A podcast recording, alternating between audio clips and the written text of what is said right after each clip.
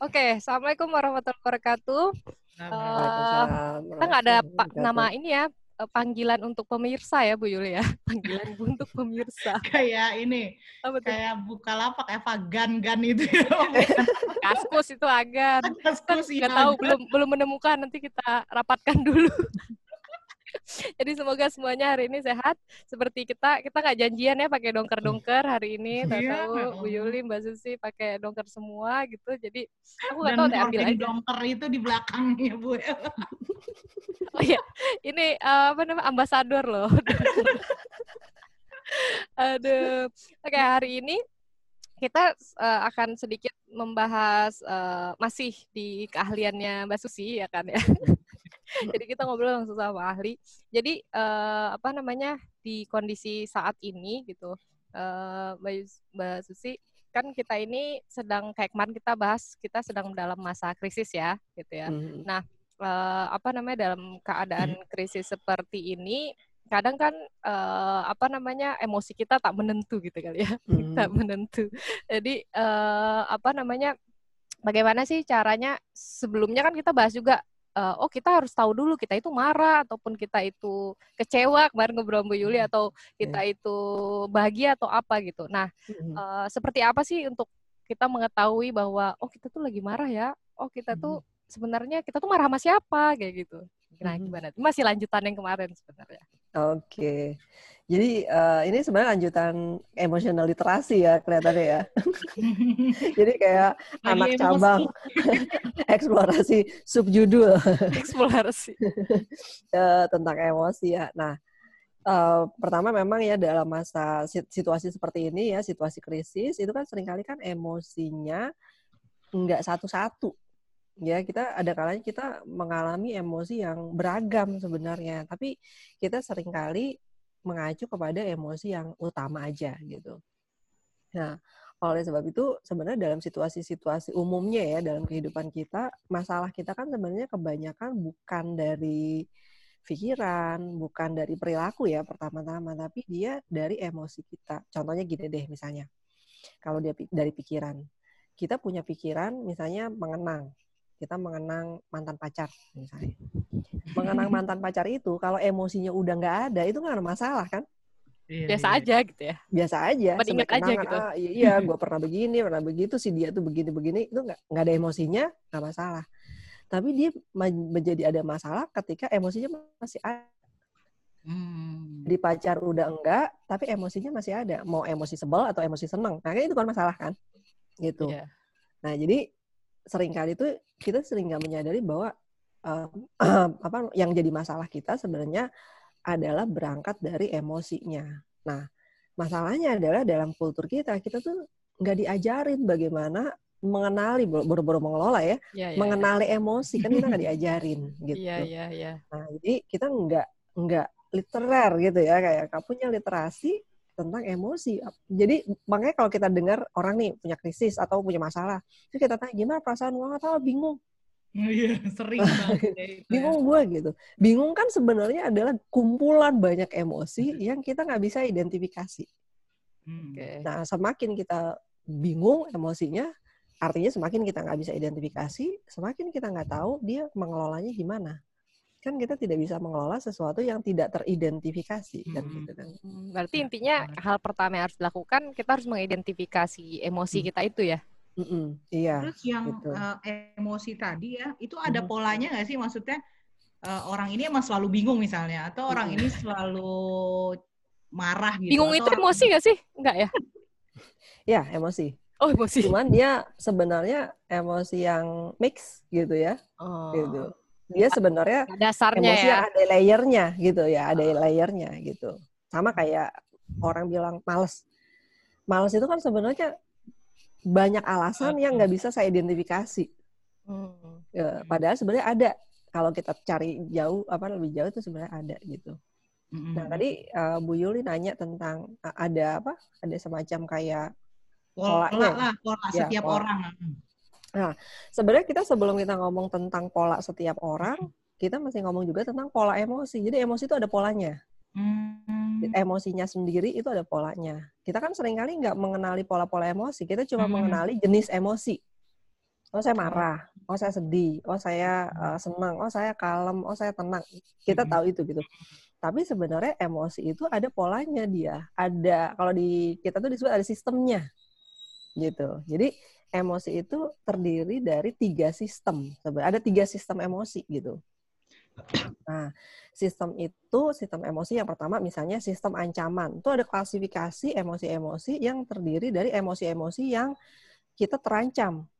Misalnya kayak marah, takut, jijik, uh, apalagi ya emosi-emosi yang berkaitan dengan hal-hal yang membuat kita uh, protektif ya, apa, membuat kita protektif. Nah itu emosi yang ancaman. Klasifikasi emosi-emosi yang membuat kita terancam, terutama yang tadi saya sebutkan. Hmm. Nah yang kedua, sistem emosi kendali, yaitu emosi-emosi yang memberikan kita kontrol, misalnya kayak rasa ingin tahu, hmm. kemudian ambisi, uh, berhasrat, uh, menginginkan sesuatu, mencapai sesuatu, hmm. gitu ya. Itu itu adalah emosi yang ada di dalam klasifikasi kendali atau disebut drive system. Kayak mengendalikan ya? Iya, drive. Jadi drive system. Yang pertama itu threat system, yang kedua drive system, hmm. yang ketiga safeness system, yaitu sistem ketenangan itu hmm. emosi-emosi yang isinya kayak namanya ya kalem, hmm. affectionate, terus compassion, afiliatif, baik, menyenangkan. nah, itu tuh emosi-emosi itu klasifikasinya tuh kayak gitu gitu. Orang-orang baik itu. Iya, gitu. Nah, jadi belum kita tahu pola pola emosi terhadap orang-orang itu yang kita tanyakan adalah bukan jenis emosinya apa aja, tapi hmm. uh, orang itu apa emosi yang paling dominan? Dia dia didominasi oleh satu jenis sistem emosi nggak? Hmm. Misalnya ada orang mungkin yang kebanyakan emosinya adalah takut misalnya ini kita juga banyak ya suka ngadepin mahasiswa apa apa takut apa apa takut yeah, yeah. gitu gitu misalnya ngadepin dosen takut sama tugas takut uh, sama orang tua takut pacar ntar takut gitu misalnya jadi dia takut kehilangan Sistem, iya gitu takut kehilangan takut diomelin takut nggak dapet nilai A gitu misalnya kan itu uh, sistem itu gitu yang kelihatannya mungkin mendominasi dia nah jadi untuk bisa kita literas punya literasi emosi artinya tahu emosi apa yang uh, kita alami, kemudian seberapa kuat dia, kemudian baru kita bisa bicara bagaimana dia mengatasi itu, kita harus tahu tuh apa klasifikasi emosi itu dan kemudian kita tuh ada di mana.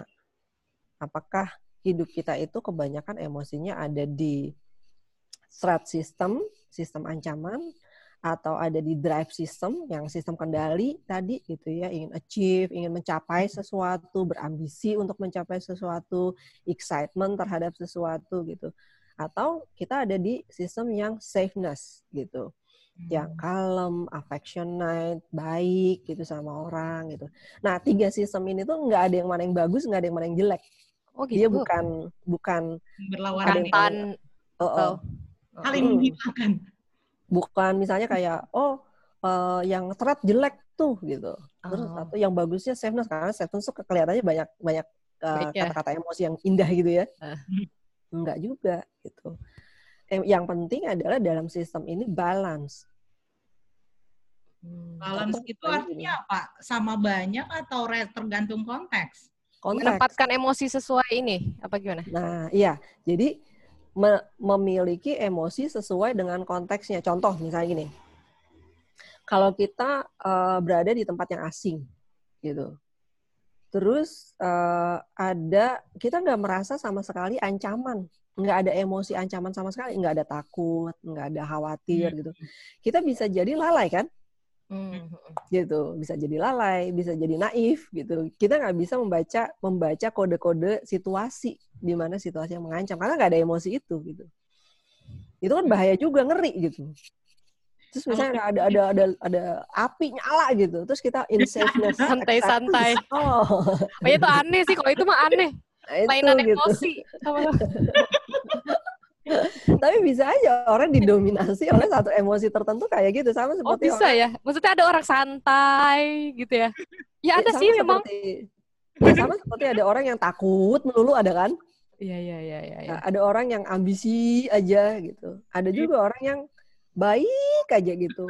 Gitu. Jadi dia nggak bisa mengenali bahwa orangnya udah jahat sama dia Iya gitu. betul betul betul tuh betul mengenali betul betul. gitu, gitu. Ini juga berarti ya, maksudnya misalnya kita ngelihat, yuk jangan suuzon sama orang gitu. Mm. Maksudnya ada kalanya emang kita harus suuzon. Maksudnya, ya ada orang mau nyopet kita gitu. Kita masih Hmm. mikir, enggak dia nggak mungkin nyopet kita. Enggak seuzon enggak, tapi itu waspada beda kali. Iya, suzon itu kan kita berprasangka buruk tanpa data ya. Iya. Kalau aku menerjemahkannya gitu gitu, suzon tanpa data. Orang out of nowhere kita bilang ini orang jel, bagus apa namanya jahat. gitu. Jahat, iya benar. suzon. Tapi kalau misalnya ada tanda-tanda orangnya kayak gini, situasi kayak gini, udah dia mepet-mepet kita gitu. Terus kita, oh kelihatannya dia hmm, orangnya mungkin tertarik sama saya gitu. itu beda lagi kepedean kayaknya. Oke. Salah juga ya. Berarti tadi ada be- beberapa apa sistem emosi tadi ya. Nah, Mm. apa namanya? Tadi cara mengidentifikasinya apakah kita looking back gitu, ngelihat oh Mm-mm. ya selama ini saya kayak gini, saya ini- atau ataukah ada checklist-checklist yang harus dilakukan? Biasanya kalau itu apa yang harus dilakukan gitu secara praktikalnya? Nah, pertama gini, karena kita tuh eh, ada risetnya ya bahwa orang Indonesia itu eh, apa ya kayak diksi emosinya tuh sedikit.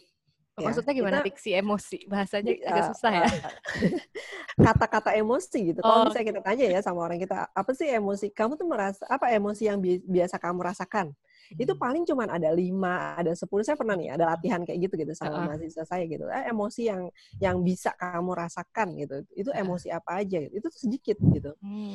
Padahal kan sebenarnya emosi itu sangat banyak, Banyak. ya, sangat banyak dan dia tuh ada layer-layernya. Misal kayak takut, marah gitu. Itu kan sebenarnya ada layer-layernya kan sebenarnya. Mm, mm, mm, Misal kayak takut, ada takut, ada khawatir, ada Mm, apa lagi, ada serem, ada kayak gitu kan. Itu kan bagian menyeramkan gitu, kayak gitu kan ada layer-layernya.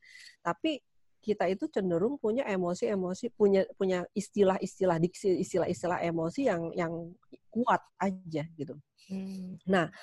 Akibatnya kalau kita punya diksi emosinya itu sangat sempit, kemungkinan kesadaran kita terhadap emosi kita juga sedikit jadinya. Karena Hmm. kita hanya bisa menyadari lewat bahasa kan. Gitu. Saya bisa bilang, oh saya merasakan ini karena ada bahasanya. Tapi kalau kita nggak punya bahasanya, kita nggak menyadari emosi itu, walaupun emosi itu dirasakan. Gitu. Contoh misalnya gini, saya pernah pernah saya pernah patah hati nih ya gitu. Ini patah hati ini rasanya an- apa ya eh, begitu membingungkan gitu.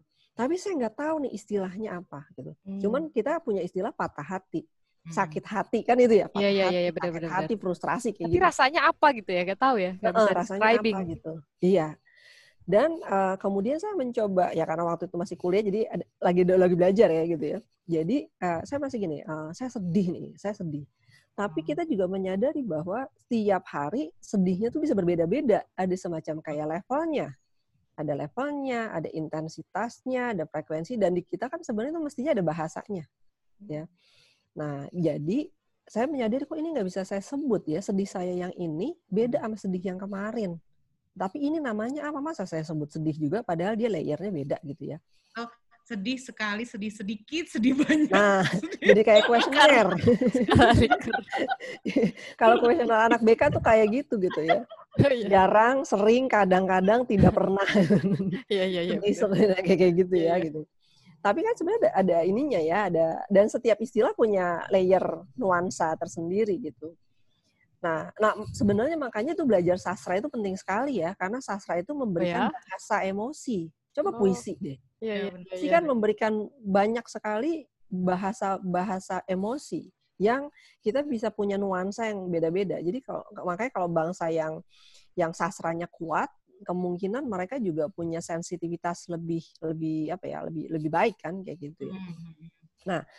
Eh, balik lagi kita perlu mengajarkan atau perlu belajar gitu. Kalau kita ingin punya kemampuan literasi emosi yang baik, kita perlu belajar istilah-istilah emosi. Nah, saya biasanya ngasih daftar emosi gitu.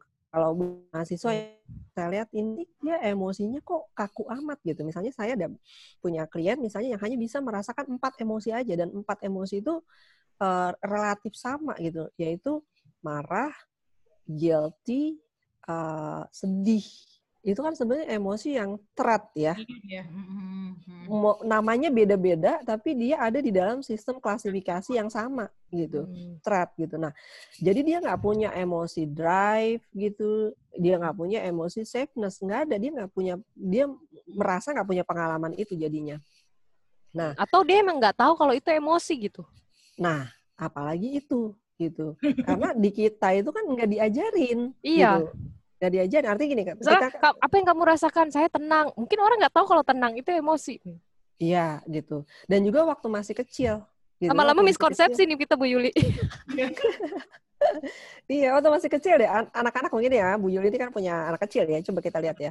Pengalaman setiap hari itu kan selalu ada emosinya. Tapi kita hampir nggak pernah mengajarkan emosi itu sama anak, mengajarkan diksinya ya, mengajarkan istilahnya. Kayak misalnya kayak dia dia apa gitu, terus bilang kamu marah ya, kamu kesal, kamu sedih, oh kamu lagi senang ya? Gitu, oh ini enak ya, kalau enak tuh rasanya gimana sih? Gitu. Nah itu kan it- itu kan memberikan diksi emosi, memberikan kosakata emosi sama anak-anak dan akhirnya anak-anak juga belajar layer-layer atau nuansa-nuansa emosi.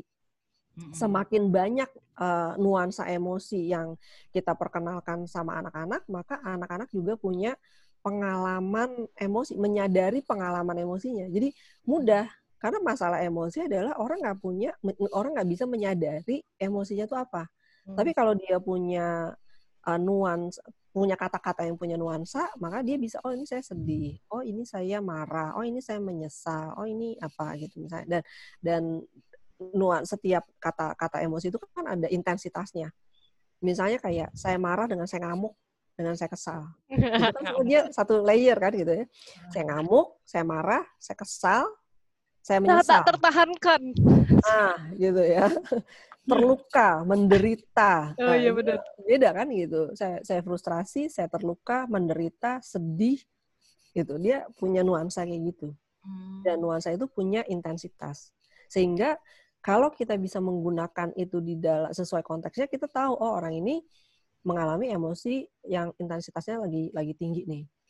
Oh ini rendah nih. Oh ini sebentar. Oh ini kecil. Oh ini kayak kayak gitu. Kita juga gitu. Ketika kita mengalami satu peristiwa, ini tuh apa namanya? Ketika kita bisa memberikan nama, kita juga tahu. Oh ini intensitasnya kecil. Kalau intensitas kecil, oh ya bisa bisa aku abaikan. Oh ini intensitasnya kuat. Kuat berarti kita bisa prediksi kemungkinan ini akan lama nih gitu misalnya. Jadi ada Hmm. kemang- kemu- kemungkin apa eh, kemampuan-kemampuan kayak gitu gitu untuk yang kita sebut sebagai literasi emosi gitu. Terus berarti kondisi seperti ini misalnya gitu ya, kita kan ngelihat orang kayaknya eh, emosinya jadi kayaknya dia nggak pernah gitu deh sebelumnya misalnya gitu. Mm-mm, mm-mm, Dia jadi gitu ya gitu. mm-mm. Baru baru terlihat emosi itu. Iya. Ah, sebelumnya ketika kita bertatap muka dan sebagainya kan dia nggak seperti itu misalnya. Terus setelah udah sebulan lebih ini kan orang-orang muncul kayak kok pada gak, kita sih bilangnya karena nggak tahu itu emosi apa ya coba bilang kok gampang emosi banget sih jadinya gitu. Mm-mm. Kok gitu? Emosian. Emosian kok emosi itu aja bahasanya yang dipunya. Emosian. Iya. Padahal emosi ternyata banyak ya juga kita bilang, ya orangnya emosian. Jadi buat kita Iya. emosi itu bawaannya cuma marah. Negatif. gitu. Iya benar-benar betul. Iya. Jadi betul. generalisasi general. Ya. Iya, dan kita juga sering kali uh, salah mengeks salah mengenali emosi. Misalnya gini, uh, saya mungkin sebenarnya malu nih, gitu, sama Bu Yuli, gitu. Misalnya Bu Yuli korpori saya, gitu. Terus uh, Bu Yuli uh, bilang tanya, Fit, uh, ini mana, gitu, misalnya. Kalau laporan kuliah kamu mana? Terus aku belum bikin, gitu, misalnya. Hmm. Aku kan malu tuh sebenarnya, gitu kan. Tapi bisa jadi kalau misalnya aku aku punya pandangan gini, kalau aku mengekspresikan rasa maluku, aku berarti lebih rendah gitu. Hmm. Iya, Maka dan aku nggak mau kayak gitu. Aku nggak mau nih perasaan direndahin. Maka gimana caranya untuk membuat level emosinya jadi setara sama Bu Yuli? Aku akan marah sama dia. Ngapain sih kamu nanya-nanyain kerjaan gue? Itu masuk dalam alam pikir gak sih? Karena maksudnya kadang saya sih nggak pernah mikir kayak gitu ya. Maksudnya Hmm. itu menurut saya terlalu panjang berpikirnya gitu. Tapi banyak Iya. Aku pikir orang itu nggak nggak menyadari itu. Jadi Oh, nggak menyadari ya? Itu itu ya, seperti bahwa- dia sebenarnya dia ya kenapa dia jadi lebih galak ya misalnya itu jadi Iya. sering banget itu gitu. otomatis orang-orang seperti itu. Orang-orang seperti itu nggak maksudnya? Banyak sih kalau menurut kalau aku ya ketemunya banyak gitu kayaknya sebenarnya Enggak dia maksud aku apakah itu kayak ya. kata-kata Mbak Susi kemarin ya maksudnya orang-orang yang melukai kita bisa jadi dia nggak sengaja melukai kita itu gitu kan kayak waktu itu kita bicarakan gitu. Nah maksud saya apakah itu kalau misal tadi udah dipikirkan seperti itu yang Mbak Susi bilang artinya itu kan direncanakan tuh dia marah-marahnya itu supaya tidak terlihat itu. Enggak, karena gini, eh, orang lebih sering sebenarnya karena itu balik lagi ya, orang kan nggak sering kali nggak punya kemampuan literasi emosi gitu. Tapi orang punya mekanisme ekspresi emosi.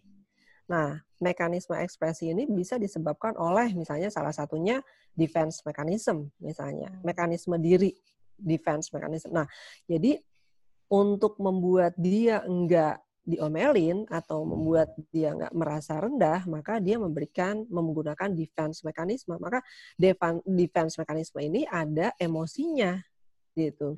Maka emosi itu yang dipakai Or- orang tuh nggak akan merencanakan, oh ini eh, Bu Juli eh, nanya gue, oh nanti kalau misalnya dia kayak gini, oh nanti berarti nggak nggak ada kayak gitu. Makanya saya bilang orang nggak akan sengaja. Seringkali orang nggak sengaja gitu melakukan itu. Jadi kalau misalnya ditanya kamu sebenarnya ingin defense Iya, iya. mekanisme ya, ya enggak gitu. Nggak, nggak. Nggak dipikirkan kan gitu. nggak direncanakan. dipikirkan gitu dia tidak direncanakan tidak dipikirkan gitu cuma karena ini bisa kita duga karena dalam kultur kita itu kan emosi yang bisa diterima ada marah adalah emosi yang bisa diterima dan dia ada ada bias gendernya juga Hmm. marah bisa diterima kalau cowok cewek Maksudnya gimana? Maksudnya marah bisa diterima tuh gimana? Maksudnya? maksudnya gini kita akan lebih bisa terima eh, orang mengekspresikan kemarahan ketimbang ekspresi emosi yang lain. Contohnya gini misalnya. Eh, kita akan lebih bisa menghadapi cowok yang marah-marah ketimbang cowok yang nangis. Oh.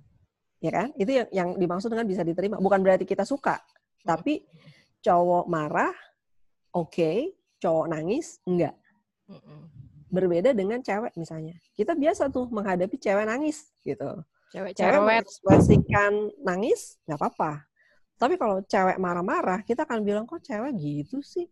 Gitu. Kok dia galak banget sih jadi cewek? Eh gitu. Jadi kultur kita ada seleksi emosinya gitu. Jadi jadi eh, emosi-emosi tertentu dibolehkan karena either dia karena gendernya atau karena karena eh, serata misalnya. Hmm. baik serata sosial atau serata usia. Misalnya oh orang tua boleh ngomel sama anak-anak nggak boleh ngomel sama orang tua Oh ya ya ya. maka kemungkinan orang tua akan lebih mudah mengekspresikan marah dan anak lebih sulit mengekspresikan marahnya gitu. Nah jadi eh, sehingga orang bisa jadi dan orang jadi nggak mengenal layer emosi yang lain kan. Hmm. Nah pada orang-orang yang eh, berada dalam pengasuhan di mana contohnya misalnya emosi marah itu bisa lebih diterima ketimbang emosi-emosi yang lain, maka dia mungkin akan menggunakan emosi ini untuk berbagai macam situasi yang Hmm. walaupun sebenarnya nggak tepat Mm-mm. gitu. Jadi misalnya dia sebenarnya sedih gitu. Banyak kan eh, kita mengalami gini eh, dalam ini ya dalam dalam ka- kasus-kasus kasus-kasus konseling misalnya. Ini sangat umum eh, dalam isu grieving, isu kedukaan. Eh, Hmm. ketika misalnya seorang laki-laki kehilangan misalnya kehilangan orang tua gitu, alih-alih mereka sedih, mereka akan mengembangkan sikap-sikap agresif Hmm. karena marah kan nggak eh, apa marah bisa diterima ketimbang sedih Hmm. gitu cowok nangis selama berhari-hari itu nggak bisa diterima dalam kultur kita Hmm. tapi kalau dia marah dia menarik diri itu bisa diterima gitu Iya iya. iya. nah jadi banyak orang menggunakan ekspresi emosi yang tidak tepat dengan emosi yang sesungguhnya dia rasakan sehingga tidak ada koherensi antara emosi yang dia rasakan dengan bahasa emosi yang dia kenali Ekspresi. sehingga ekspresinya juga akan nggak koheren gitu.